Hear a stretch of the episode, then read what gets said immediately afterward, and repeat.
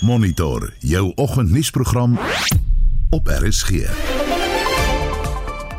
In ons program 'n sterk vertoning van die bruto binnelandse produk weer 'n resessie af.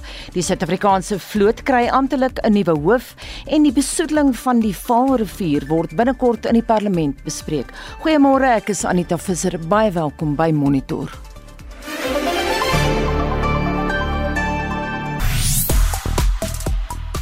Ons kyk nou na ons SMS vraag van die dag en die jongste binnelandse toerisme syfers wys 'n toename in binnelandse toerisme van 2020 tot 2021. Nou onthou Suid-Afrika was in die tydperk nog in die greep van die COVID-19 pandemie. Die aantal daguitstappies het in die tydperk toegeneem van 12,4 miljoen in 2020 tot 16 miljoen in 2021. Nou dink 'n bietjie terug vanoggend aan die jare wat gelede. Vertel ons van jou reiservarings tydens COVID indien jy wel voet by die deur uitgesit het. Stuur 'n SMS na 45889 onthou dit kos R1.50 of praat saam op Facebook of WhatsApp vir ons stemnota na 076 536 69 076 536 6961 In vanoggend se sport Marokko sorg vir 'n reuse opskudding by die sokker wêreldbeker toernooi in Qatar. Olugle CEO is die Protea kaptein vir die opkomende vroue onder 19 T20 wêreldbeker toernooi hier in Suid-Afrika en Eddie Jones word aan die pad gesteek. Ek is Shaun Schuster vir RSG Sport. Die hitsmerk FIFA World Cup 2022 bly steeds een van die gewilde onderwerpe op sosiale media. Dis dan geen verrassing as mens luister na wat Shaun pas gesê het nie oor Marokko se 3-0 oorwinning teen Spanje. Meer hieroor onder die hitsmerk Marokko.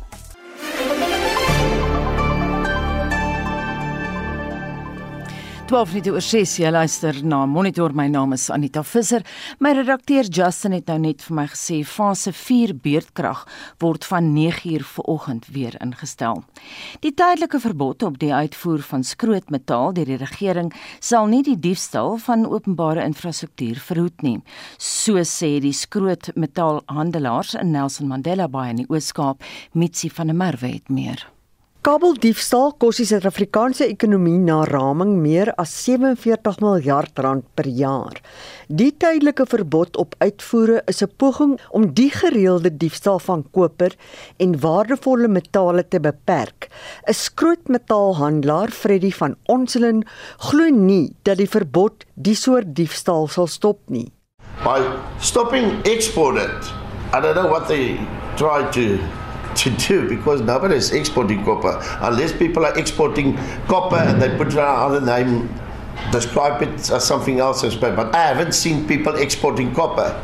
And if there's going to be a decrease in price the thieves are just going to steal twice more. That's a problem. Nog 'n skrootmetaalhandelaar wat onbekend wil bly, sê die verbod sal 'n oorskot skrootmateriaal tot gevolg hê wat die plaaslike bedryf kan oorweldig do we have enough uh, industry to use that scrap metal to manufacture new stuff? You understand? That's also a problem. What are we manufacturing in this country? Why are we exporting our, our scrap metal? You understand?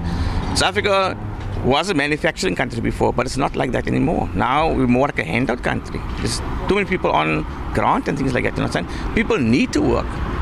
So we need to solve that problem. This is the unemployment problem. Die verbod is die eerste van 3 fases in 'n poging om koperdiefstal aan bande te lê. Die tweede fase is 'n lisensieringsstelsel vir verkopers en kopers. Nog 'n handelaar, Andrei Meyering, sê die uitvoerverbod het reeds 'n uitwerking op die bedryf wat kan vererger sou die volgende fases toegepas word. The prices already been dropped and it will affect each and every person, not just the scrapyards.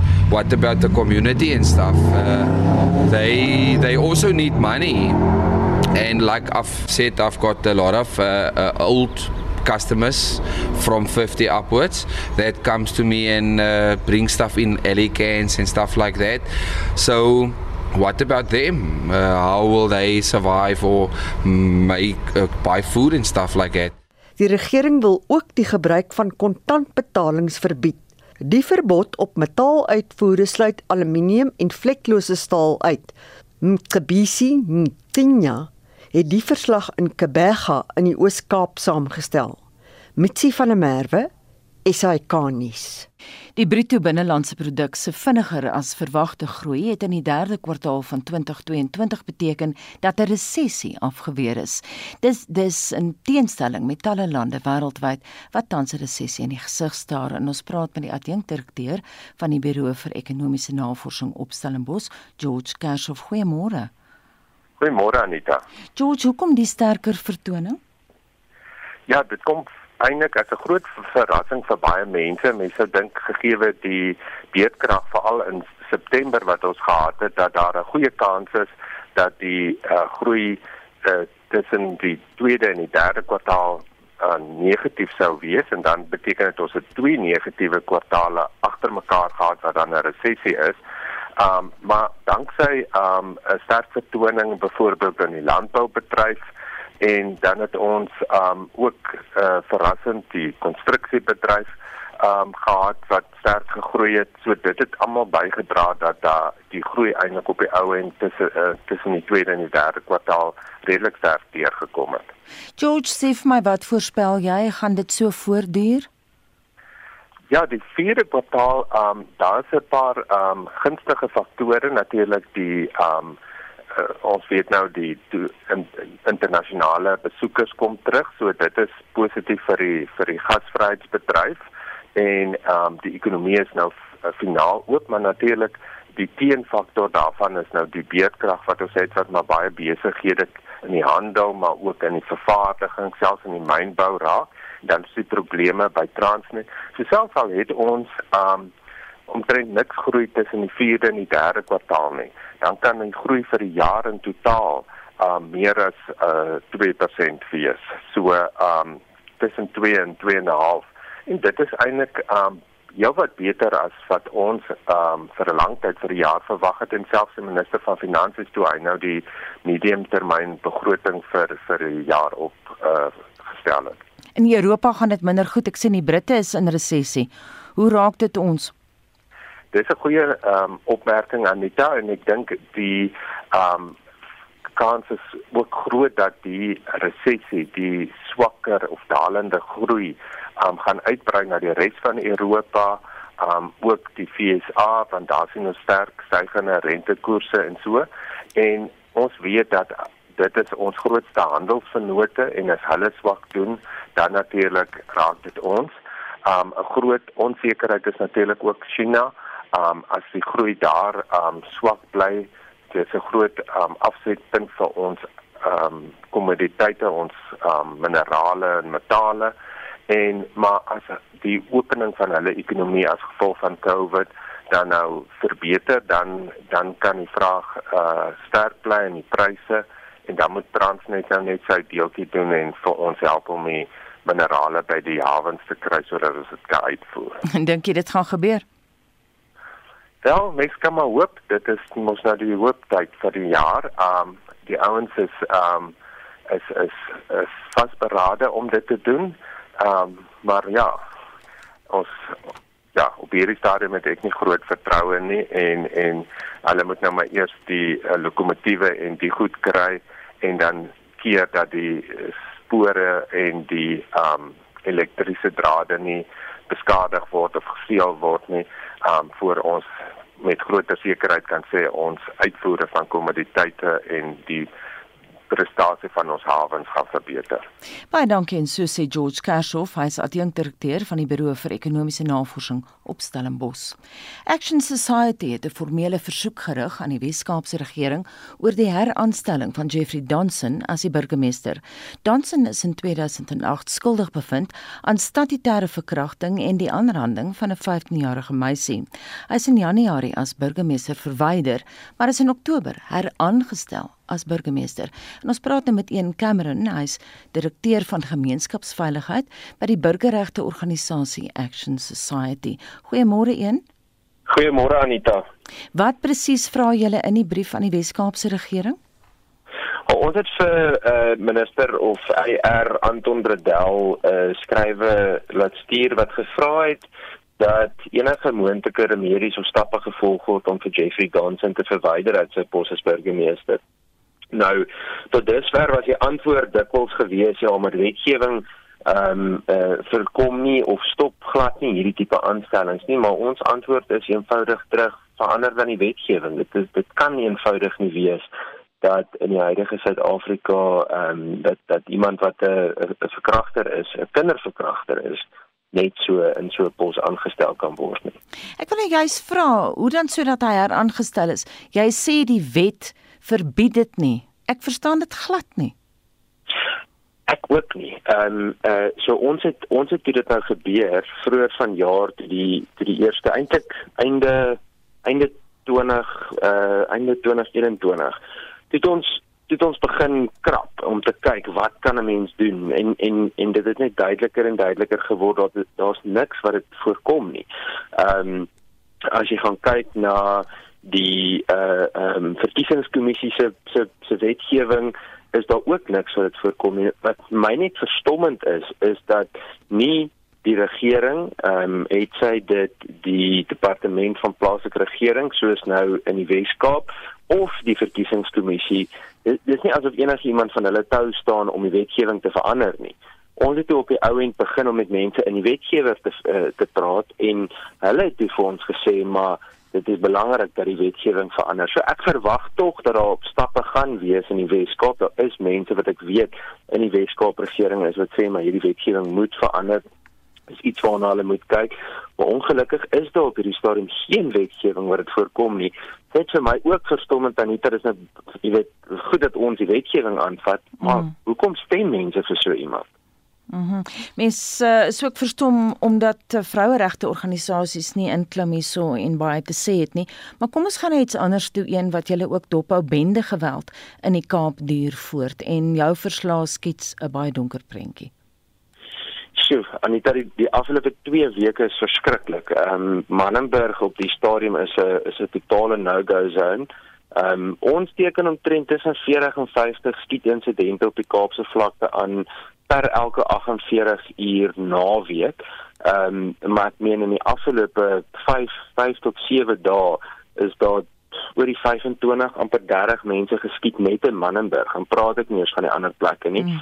En wat my so woedend maak uh, hieroor, behalwe nou vir die bendes wat wat net aangaan soos wat hulle wil, is die feit dat ons niks hoor van die polisie se bestuur nie. Ons hoor niks van die polisie sekretariaat of die minister se kantoor nie. Ehm um, daar's geen strategie of plan nie. Dis asof mense net sê ag man, dis net nog 'n Kaapse vlakte moord. Ek kan net nie glo dat ons op daai manier optree nie. Ehm um, dit kan nie eenvoudig nie so wees nie en ek weet van dit is bende op bende, maar daar's soveel onskuldige mense wat in die kruisvuur doodgeskiet word. Mm. Wat dink jy is die antwoord?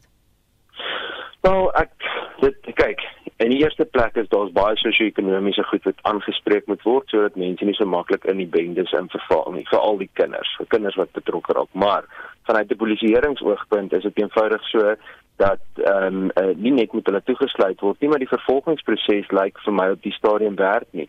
As ons gaan kyk na howe in die NVG oor die algemeen is dit net elke keer so dat baie van hulle uit is op borg die die verdagte wat verlede week die konstabel in Parkwood geskiet is was uit op borg gewees terwyl hy dit gedoen het. So daar's net soveel van daai tipe voorbeelde.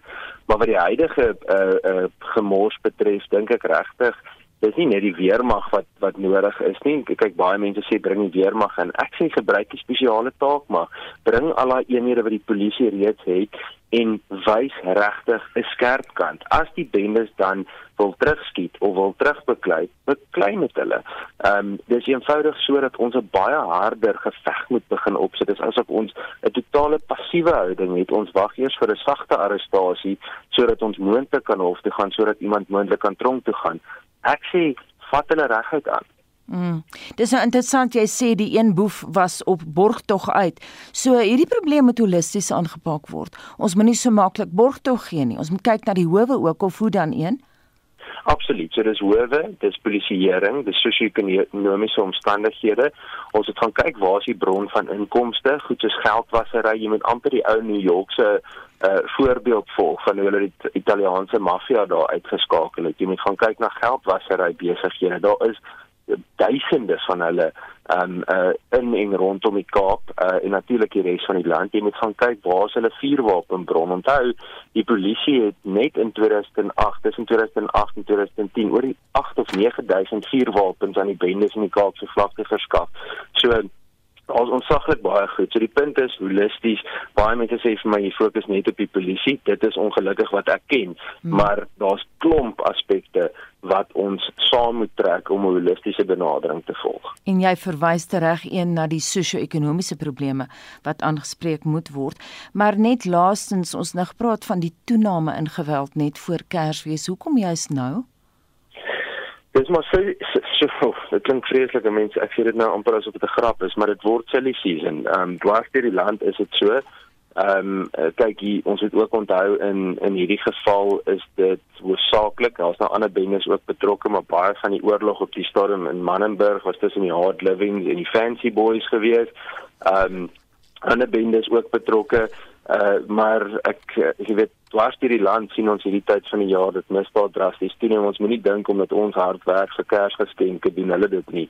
Um dit is eenvoudig so dat hulle dan nog meer oor sogenaamde territory wil um wil wil beklei en uh en natuurlik meer beheer hê sodat hulle meer geld kan hê. Baie dankie dit aan een Cameron direkteur van die gemeenskapsveiligheid by die burgerregte organisasie Action Society. Die Suid-Afrikaanse vloot se nuwe hoof, Adjunk Admiraal Mondelobe sê, is gister ingehuldig. Hy is amptelik op 1 November vanjaar in die pos aangestel en ons ontleed die aanstelling met emeritus professor van Stellenbosch Universiteit François Vrey. Môre François Anita môre en ook aan jou luisteraars. Kom ons praat eers 'n bietjie oor sy voorganger, Adink Admiral Mosiwe Klongwane. Hy het in Junie vanjaar uitgetree. Nou, is dit normaal, François, om 5 maande te wag voordat 'n opvolger aangewys word? Anita, dit behoort nie normaal te wees nie. Ehm um, dit is nie goed in terme van die beeld dat daar so lank gewag word nie gegee die feit dat die instansies wat daarvoor verantwoordelik is dat 'n nuwe hoof van die vloot intree eintlik etlike jare al weet daar moet min of meer op hierdie tyd 'n nuwe hoof van die vloot die pos opneem. So dit is nie goed vir die inkomende hoof van die vloot wat nou die pos aanvaar het nie en dit is ook nie goed vir die algemene beeld van die vloot en die weermag in die algemeen dat daar so lomp hiermee omgegaan word nie. Dit is egter so dat as 'n mens na die aanstelling van die hoof van die weermag wat tans in daai posse kyk, was dit ook so half onsamehangende proses geweest. Ek kan nie vir jou sê hoekom nie, maar dit skep nie 'n goeie indruk nie en dit is ook nie goed vir die persoon wat die pos opneem dat daar half gedink word uh hoe hoe beland jy in die pos deur so 'n lomp prosesie. Hmm. En die persoon wat die pos opneem, hou teen teen en ook nie daarvan nie omdat dit nie skielik is asof iemand een oggend opstaan en sê o Vader ons moet vandag 'n nuwe hoof van die vloot aanstel. Die mense weet lank voor die tyd hierdie aanstelling moet gedoen word en die suksessiebeplanning en die aanstelling moet vlot verloop. En wat dink jy kan ons van Lobesi verwag? Wel, die die vloot is onder druk, die weermag is onder druk en dit help nie ons praat oor die begroting nie. Almal weet die vloot het die geld hê, die weermag het baie min geld. Maar as ons na hom kyk, is hy het sy pad gestap. Uh deur die vloot van die integrasiemagte rondom 1994 uh hoofsaaklik in die ondersteuningsomgewing van die vloot tot by die adjunkhoof van die vloot en nou is hy die hoof van die vloot. En hy daar's 'n paar dinge wat opkom wat hy sal moet bestuur. Die eerste een is die vloot se nuwe vaartuie, hulle kus meerdoelige kusvaart patrollievaartuie gaan binne die volgende 2 jaar uh, in die vloot opgeneem moet word. En dit is die eerste een van die eerste. So ook die vloot se nuwe opmetingsskip wat in Durban gebou word wat 'n uh, 'n baie gesofistikeerde vaartuig is om die hidrografiese werk vir die vloot en vir die land uh, te onderneem.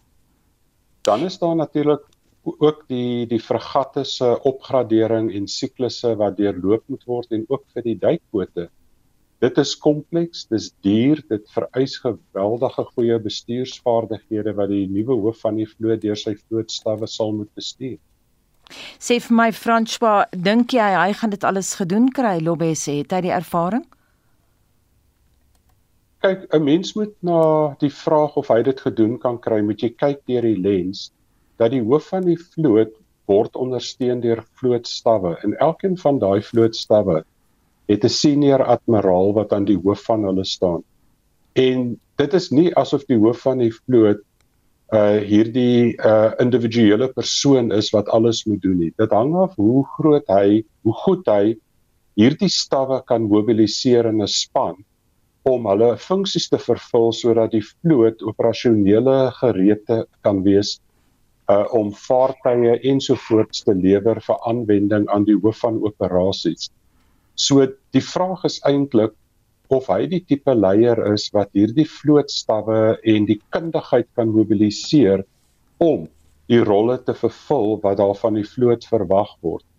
En dit is eintlik die vraag en dit is eintlik die uitdaging wat die nuwe hoof van die vloot in die gesig staar of hy hierdie spanne en hierdie kompartemente van die vloot effektief in 'n span kan saamsnoer en bymekaar kan hou om onder baie moeilike omstandighede die vloot te bestuur en die vloot operasioneel te hou sodat hulle byvoorbeeld dinge kan doen soos uh die gewapende magte dag kom eersdaags op in 2023 tussen Richards Bay en die vloot moet daar wees met sy vaartuie. Daar's 'n oefening wat opkom saam met die Russe en die Chinese.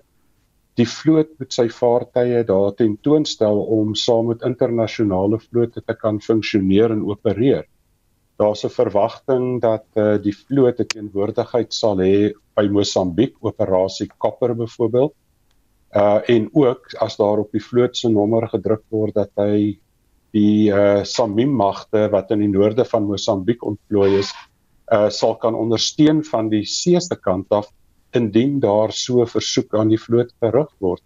So hierdie is is is kompleks. Die vloot is 'n tegnologiese omgewing platforms met gespesialiseerde bemannings en die hoof van die nuwe hoof van die vloot sal al hierdie kompartemente sal hy moet bestuur sodat die vloot uh, sy rol kan speel.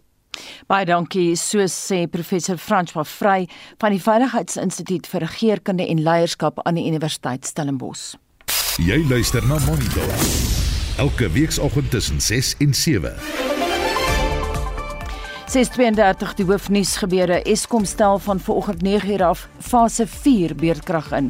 En in die volgende halfuur meer as 14 miljoen mense is na raming sedert die uitbreek van die oorlog in Oekraïne ontwortel.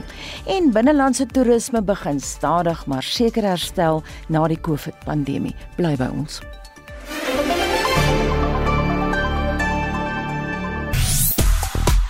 En nou ons SMS terugvoering ons vraag vanoggend wat het jy gedoen die afgelope 2 jaar tydens Covid? Het jy gaan reis? Vertel ons van jou ervarings. Baie mense het ingeskryf. Barend van der Merwe sê ek was daai tyd so broke. Ek skryf, ek lees soos wat hy dit skryf. Ek kon nêrens heen gaan nie en intussen het ek nog meer broke geraak. So dit gaan nie goed met Barend van der Merwe nie. Loret Smit sê die stilte na 22 uur saans was salig. Die pryse na sommige daguitstappies is egter skandalig duur. As gesinne by die waterfront akwarium besoek, is almal se vakansie sakgeld op. En dan Mornay Kutse, ek het 'n landswye permit gehad vir konstruksie, maar nie baie rondgereis nie. Ek het vanaf Polokwane na Kaapstad gereis in Junie en 2 weke in die moederstad gekuier sonder probleme. Net een keer langs die pad gestop deur 'n padblokkade, maar hulle het nie eers my dokumente gevra nie en so sê Anna van Polokwane. 6:35 en John Jose sluit by ons aan met die jongste sportnuus. Goeiemôre Sean. Goeiemôre Anita. Die laaste 16 ronde by die sokker wêreldbeker is gisteraand afgehandel en 'n vreugdevolle dag vir Afrika, né? Nee? Ja, Marokko het nou verder as ooit tevore by 'n wêreldbeker toernooi gemaak na hulle Spanje gisterand in die laaste 16 ronde met 3-0 deur strafdoel strafdoele uitoorlê.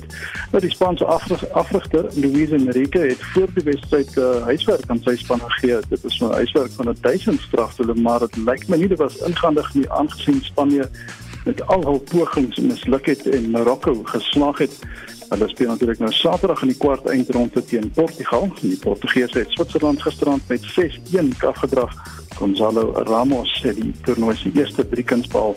Die kwart eindronde begin Vrydag wanneer Brasilië teen Kroasie en Argentinië teen Nederland op die veld uitdraf. Mm, ek moet eers vra, dink jy die Portugese gaan die pyp rook? Hulle rekord oor die laaste paar uh, wêreldbeker toernooie was nie so goed nie, so ek twyfel ek dink Brasilië en Argentinië is is my twee gunsteling op die op die oomblik. Suid-Afrika bied die IKR se heel eerste onder 19 vroue T20 wêreldbeker in 2023 aan. Nou die groep van 15 spelers is gister bekend gemaak. Wat dink jy van die keuses? Ek dink dit is 'n sterk span uh, wat aangekondig is. Die Lions speler Olugle Seo is aangewys as kaptein met Madison Landman haar onderkaptein. Die Lions het 4 Noordwes 3, Titans WPN KwaZulu-Natal 2 in die Vrystaat en Eastons 1 speler elk in die uh, groep van 15 spelers. Nou, ons onder 19 span neem aanstaande week aan 'n vroue Superliga, dis die KSA se vroue Superliga deel en dan is daar ook 'n uh, Indiese onder 19 span 'n reeks teen hulle wat nog voor lê. Dit is ter voorbereiding vir die Wêreldbeker toernooi wat tussen 14 en 29 Januarie in Benoni en Potchefstroom sal plaasvind. Sean sê vir my nou watter twee cricketwedstryde kan ons vandag uitsien? Bangladesh en India pak mekaar van 8 uur af in die tweede wedstryd van hulle eendag reeks met die tuisspan wat verrassend 1-0 voorloop. Nou oorwinning kan natuurlik sorg dat hulle die reeks inpalm met nog een wedstryd wat voorlê en dan in die plaaslike momentum eendag reeks sê die Knights en WP mekaar vanmiddag van 1uur af in Bloemfontein die stryd aan. En ek hoop ek spreek hierdie name korrek uit Wayne Pivak en Eddie Jones wat in die pad gesteek word. Ja, so ek uh, natuurlik uh, maandag reeds in die pad gesteek en Eddie Jones dit was net 'n kwessie van tyd voor hy uh, op sy swart sou val. Dit is veral na Engeland se slegste toetsjaar sedert 2008 waar Engeland slegs 5 van hul 12 toetse kon wen. Die Engelse Rugby Unie het aangekondig dat Richard Cockrell die tussentydse afrigter sal wees, maar het ook gesê dat 'n nuwe hoofafrigter in die in nabye toekoms bekend gemaak sal word en Cockrell was deel van Jones se afrigtingspan. Baie dankie, dit was dan Shaun Jooste met die jongste sportnuus. Vir wêreldnuus sluit Esteban's aan en ons begin in die FSA waar stemme in die deelstaat Georgia getel word in die laaste senaatsetel in van die jaar se middeltermynverkiesing wat verlede maand plaasgevind het. Estie die bal is in jou baan. Ja, Anita, dis reg en dit lyk vir my daardie uitslag is nou net 'n kort rukkie gelede bekend gemaak en die demokraat Raphael Warnock het in terme van persentasiepunte 51-49 teenoor die Republikeine se Herschel Walker die setel ingepalm. En ek sien ook president Joe Biden het nou net getweet hy het Warnock gebel om hom met sy oorwinning geluk te wens. Nou die finale uitslag beïnvloed nie die demokratiese beheer van die Senaat nie. Oud-president Donald Trump het gisterand 'n televisieveldtog in Walker se guns gehou. Hier is die politieke ontleder in die FSA, Emma Hurt. We have to separate Herschel Walker from Donald Trump here as well, just given his athletic career. He's famous in Georgia in his own right. And so I think what we see is that, that Walker has been able to set himself apart to a certain extent from former President Trump to be, you know, to make it to this general election. We can see in the Walker campaign's own actions what they think about the influence of Trump among Georgia voters right now. En nou verskuif ons die fokus na Oekraïne waar die VN se menseregte kantoor sê meer as 14 miljoen mense is waarskynlik sedert die uitbreek van die oorlog ontwortel. Meer as 17000 burgerlikes dood. Mens kan aanneem sekerlik is hierdie syfers is konservatief of hoe? Eh, verseker Anita die VN sê dat hierdie syfers baie hoër kan wees en die Wêreldgesondheidsorganisasie sê ook ten minste 630 gesondheidsfasiliteite is reeds aangeval sedert die oorlog uitgebreek het. Hier is die adjunksekretaris-generaal van die humanitêre aangeleenthede van die VN, Martin Griffiths. Temperatures are already below freezing and are expected to drop to below minus 20 degrees Celsius. The attacks on Ukraine's energy infrastructure, including power stations and heating plants, have left millions of people without access to heat, electricity, and water, adding another dangerous dimension to the humanitarian crisis caused by the war. As a result of the attacks on civilian infrastructure, people are being deprived of healthcare and children deprived of education. In Ukraine today, the ability of civilians to survive is under attack.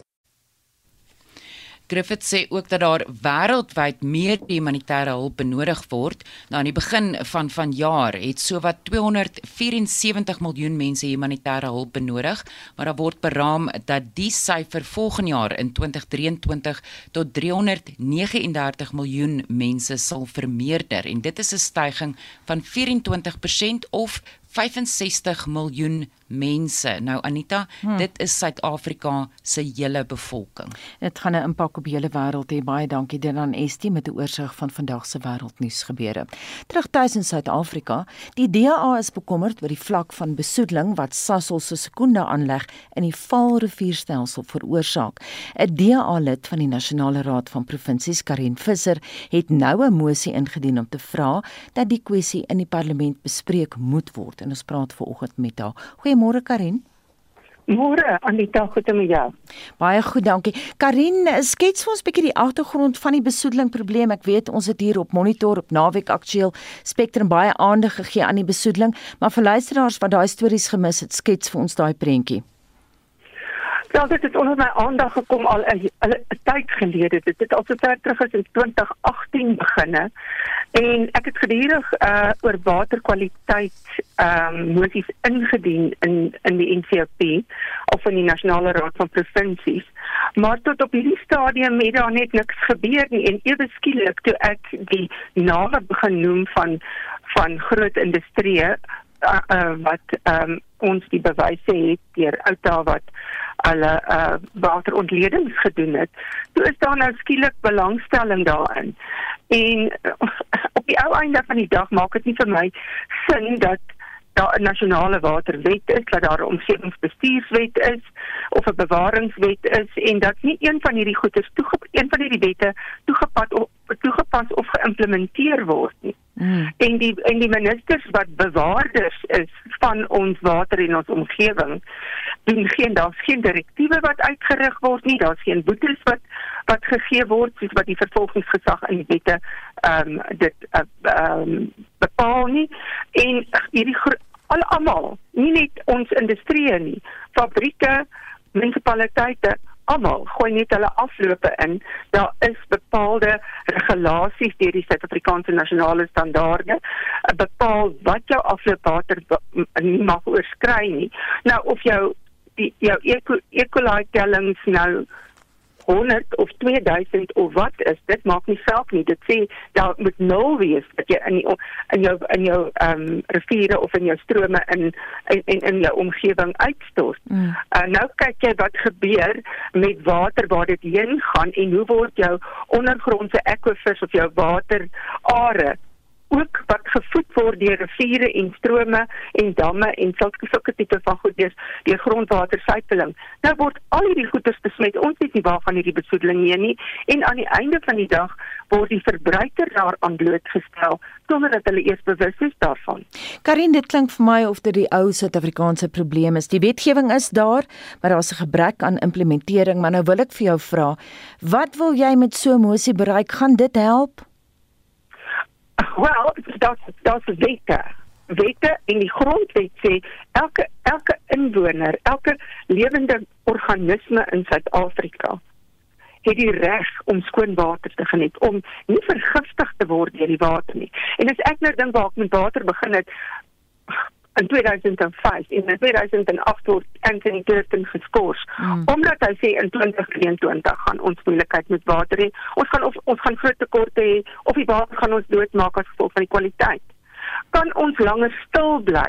Ek as 'n publieke amptenaar van die Demokratiese Alliansie kan tog nie stil bly in in in my in my my eet versaak om nie hierdie goed in die parlement aan te bring en en en die ministers aanspreeklik te hou omdat hulle nie uitvoer wat hulle moet uitvoer nie omdat hulle absoluut net toeskouers geword het en burgerorganisasies moet rondhardloop en hulle moet watermoniteringstoetse doen en die sluk in die damme en in die riviere kontroleer om te sien wat gebeur en om te sien wat is binne in dit mm. en dan aan die einde van die dag begin mense siek word ek bedoel ons sit ons sit by al hierdie ander kleiner riviere ehm um, waar ek in Noordwes is, almal van hulle is so besoedel.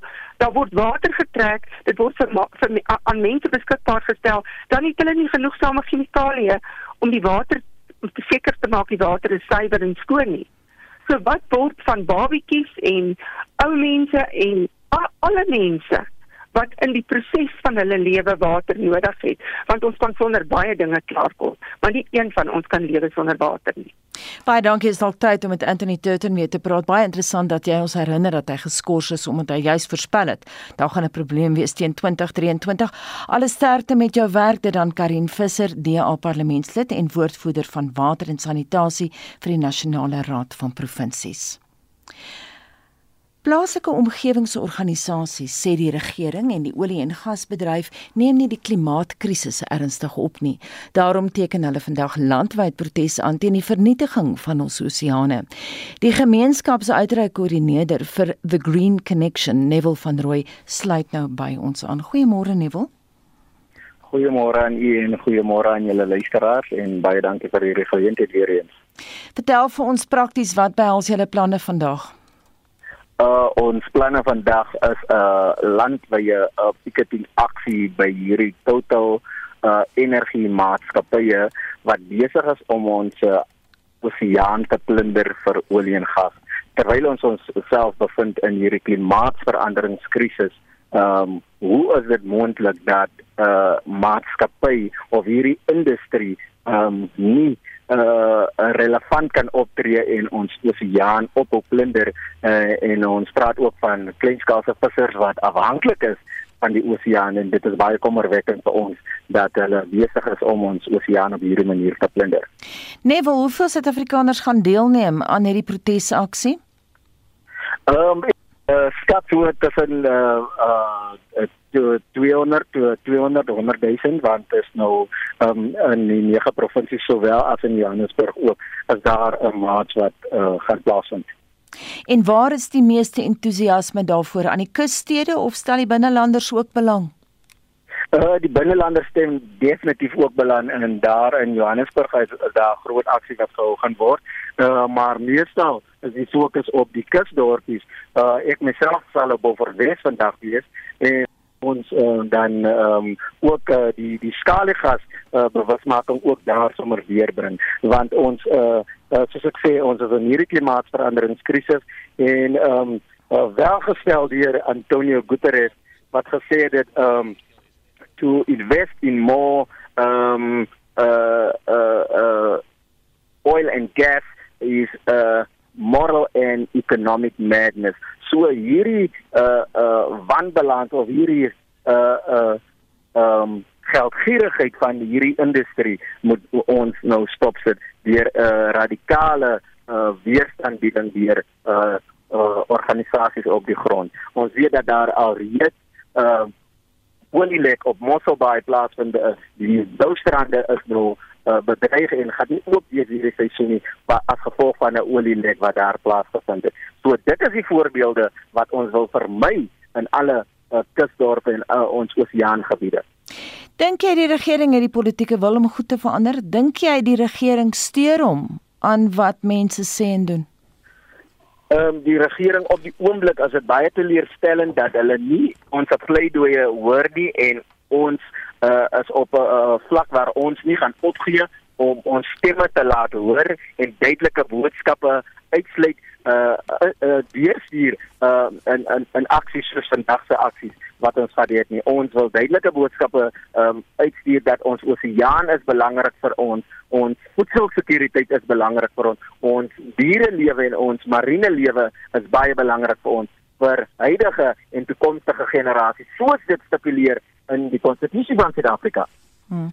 Nee, ons het nou in die vorige onderhoud met Karin Visser gehoor dat wetgewing is daar, maar dit gaan oor die gebrek aan implementering. Geld dieselfde wanneer dit kom by klimaats die klimaatskrisis? Ja, definitief daar is die uh, IEP um regulasie wat daar is wat die president moet reguleer en in plek stel sodat ons as Suid-Afrikaners kan sê watter tipe energiesisteem ons wil hê. Ons wil beweeg na hernubare energie. Ons uh, land het groot potensiaal vir hernubare energie. Hoekom word dit nie uh, implementeer nie? Hoekom word hierdie wetgewing nie geïmplementeer nie? As dit net geïmplementeer was, dan uh, was daar dalk 'n uh, groot groot beweging in die regte rigting. Op die oomblik is ons basies uh uh uh sit ons nou met ons met ons uh, op papwiele uh, want daar is 'n uh, uh, ophou om uh, te beweeg in die regte rigting na hernubare energie moontlikhede. Baie dankie dit aan Neville van Rooi en hy is van the Green Connection. Nou ons het julle vroeër gevra om herinneringe van dagreise met ons te deel wat tydens die afgelope 2 jaar onderneem is.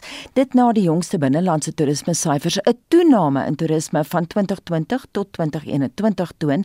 Die provinsie wat die meeste besoekers ontvang het is Limpopo, terwyl Gauteng in 2021 die kroon dra. Ons praat met professor Elmarie Slabbert, navorsingsdirekteur by die eenheid Trees aan die Noordwes Universiteit. Goeiemôre Elmarie. Goeiemôre Anita. Ek moet sê ek was 'n bietjie ehm um, geïnteresseerd maar klein bietjie verbaas oor Limpopo. Hoekom vaar Limpopo goed? Ja, ek dink ehm um, Limpopo is, jy weet, het toegang vir 'n verskeidenheid van mense van Gauteng af. Jy soms sien dit kan reis en daar is um ongelooflike attraksies ook wat mense aantrek sien toe. So dis 'n bestemming wat ons sien al hoe meer ontwikkel. Ons praat nou van binnelandse toerisme, maar is daar baie mense van byvoorbeeld Zimbabwe wat nie net hierheen kom nie, maar wat hierheen kom toer, weet julle? Ja, uit die aard van die saak kry ons 'n groot deel van ons mark om oor grense heen van um, Botswana en Zimbabwe en en daardie tipe Afrika bestemmings met 'n groot fokus, jy weet, om hulle inkopies te kom doen in in Suid-Afrika ek dink ons ideaal is nog altyd om jy weet om te om om hulle te kry om 'n bietjie langer te bly, nie net vir inkopies nie, maar wel ook om om bietjie te kan deelneem aan toerisme aktiwiteite. So dit is 'n sekere mark, jy weet wat wat ek dink nog onderbenut is vir spesifiek vir toerisme.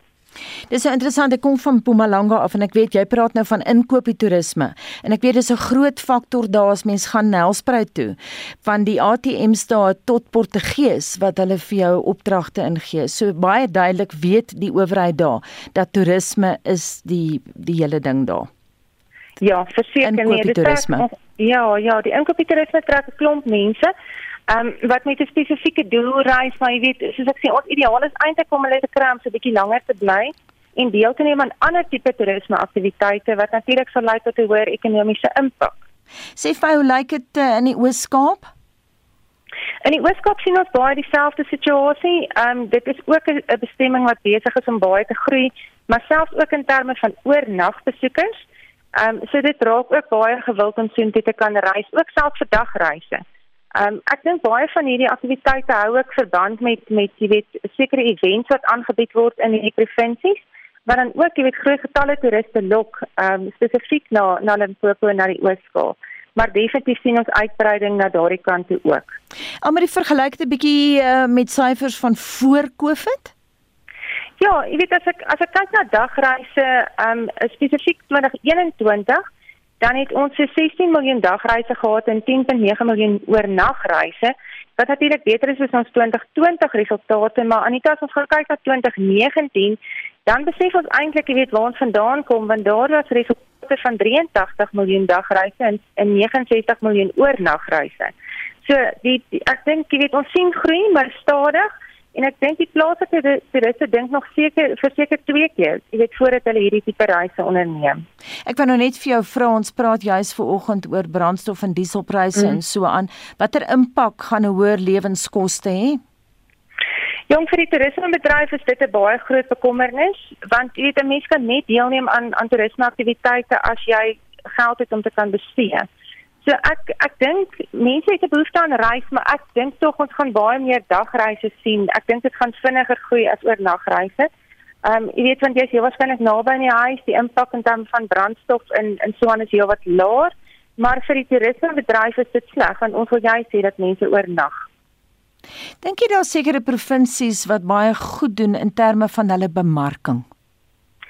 Ja, daar is um jy weet as ons dink aan die Weskaap en ons dink aan KwaZulu-Natal, um wat ons wat nou maar bekend is, jy weet as jy as jy die tipiese toeriste provinsies en ook hoë getalle toeriste trek, jy weet vaar hulle baie goed in terme van um spesiale aanbiedinge, pakkette wat saamgestel is, baie kreatiewe bemarkingsveldtogte en ek dink jy weet dis iets wat alle provinsies moet aan aandag gee want hoe meer mense weet wat beskikbaar is, jy weet hoe makliker neem hulle die besluit om om sien te kan reis. En ek dink dieselfde met dagreise. Ek jy weet baie keer weet mense nie eers wat in 'n 50 km radius rondom hulle dorp beskikbaar is nie. Mm -hmm. So ek dink jy weet daar kan baie beter pogings aangewend word om mense bewus te maak. Jy weet 50 km van jou huis af kan jy byvoorbeeld by oord gaan vir 'n vir 'n dag.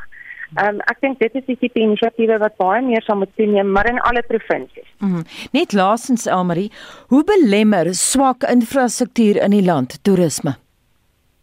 Dit het ook 'n baie negatiewe invloed en ek dink dit dit beïnvloed mense se keuses aan die tyd. Jy weet, mense begin wel kyk ehm um, watter roetes om te neem om by sekere bestemmings uit te kom as dit vir jou nie meer veilig voel nie, as die infra infrastruktuur nie meer in plek is nie, kan dit jou keuse beïnvloed om na 'n ander bestemming te gaan.